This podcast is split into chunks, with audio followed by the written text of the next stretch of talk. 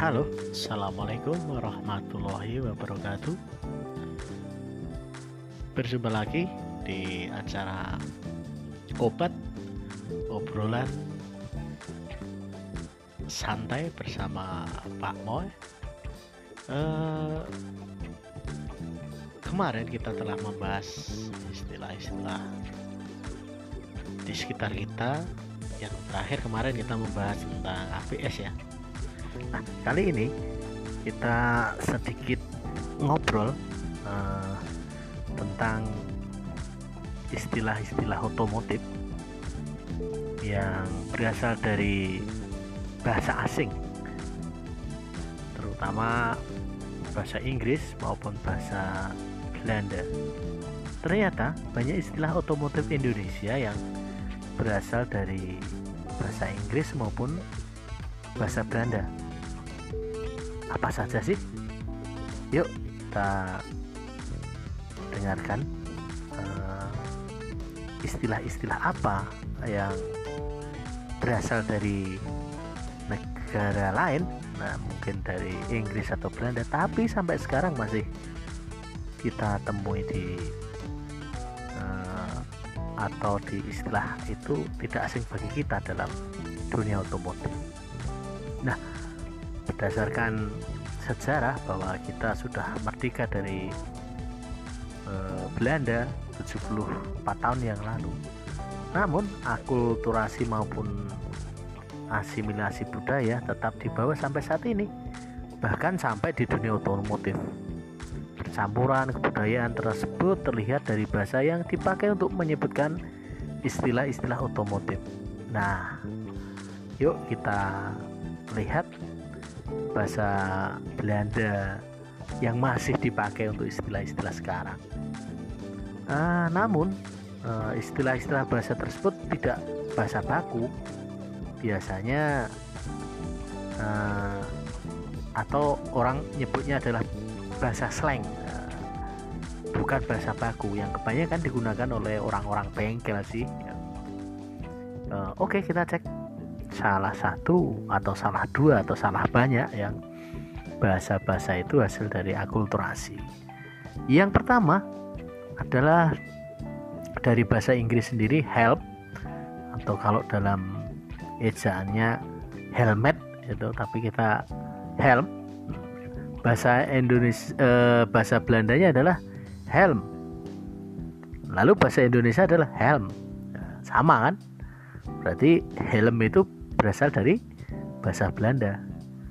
Kemudian battery itu dari bahasa Inggris. Kemudian dalam bahasa Belanda itu acu. Nah, bahasa Indonesia adalah aki. Nah, jadi eh, hampir sama dari bahasa Belanda ke bahasa Indonesia. Kemudian eh, bahasa Inggrisnya adalah tire. Artinya ban dalam bahasa Belanda itu tire itu nyebutnya adalah ban. Dalam bahasa Indonesia adalah ban juga. Ya itu berarti kita tetap mengadopsi dari bahasa Belanda ban. Di Indonesia juga ban gitu.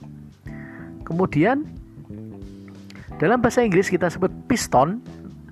Dalam bahasa Belanda Zeiger dalam bahasa Indonesia adalah seker nah, itu. kemudian uh, house brakes itu dalam bahasa Inggris. Bahasa Belanda adalah selang rem.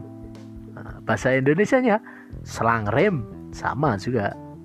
Kemudian drum brakes itu dalam bahasa Belanda disebut tromol rem. Hmm, dalam bahasa Indonesia disebut tromol gitu Kemudian kita lanjut yaitu gasket. Itu bahasa Belandanya adalah packing. Dalam bahasa Indonesia packing gitu.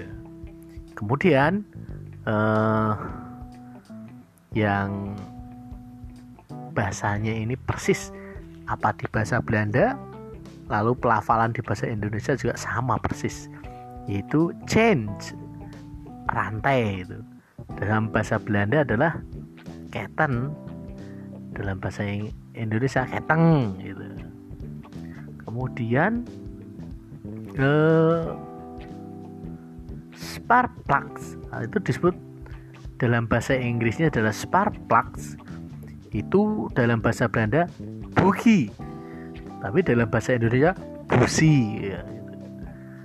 Krengsef kruk as. Dalam bahasa Indonesia krek as gitu kemudian uh, valve. Itu dalam bahasa Inggrisnya valve. Dalam bahasa Belandanya klep bahasa Indonesia adalah klep gitu. bagaimana? Mirip kan? Pelafalannya juga sangat mirip. Selain istilah di atas masih ada beberapa istilah otomotif lainnya yang berasal dari Belanda seperti knalpot, dongkrak, shockbreaker dan lain-lain. Itu. Nah, itulah uh, bahasa Belanda yang masih diadopsi sampai sekarang. Ya, sebenarnya uh, fakta di lapangan walaupun banyak istilah otomotif di Indonesia yang diambil dari bahasa Belanda, bukan berarti merek mobil Belanda juga banyak beredar pada kenyataannya hampir tidak pernah atau tidak ada mobil buatan Belanda yang terlihat wirawiri di jalan Indonesia. Mungkin mobil Belanda yang seperti merek Savage, Real, Venture hanya bisa dilihat di pameran-pameran otomotif saja. Tidak seperti mobil-mobil lainnya yang wirawiri di Indonesia. Nah, itulah sedikit daripada asimilasi atau ya bahasa aslinya di sana yang masih diadopsi atau masih digunakan sampai sekarang. Itu eh, kali ini kita membahas tentang istilah-istilah yang masih dipakai. Oke, eh, cukup sampai di sini. Eh, sebelum saya akhiri tetap patuhi protokol kesehatan anjuran dari pemerintah tetap cuci tangan pakai masker lalu jaga jarak dan yang paling penting jangan lupa berdoa oke berjumpa lain waktu dengan saya Mr. Moy dalam acara obat wassalamualaikum warahmatullahi wabarakatuh Bye.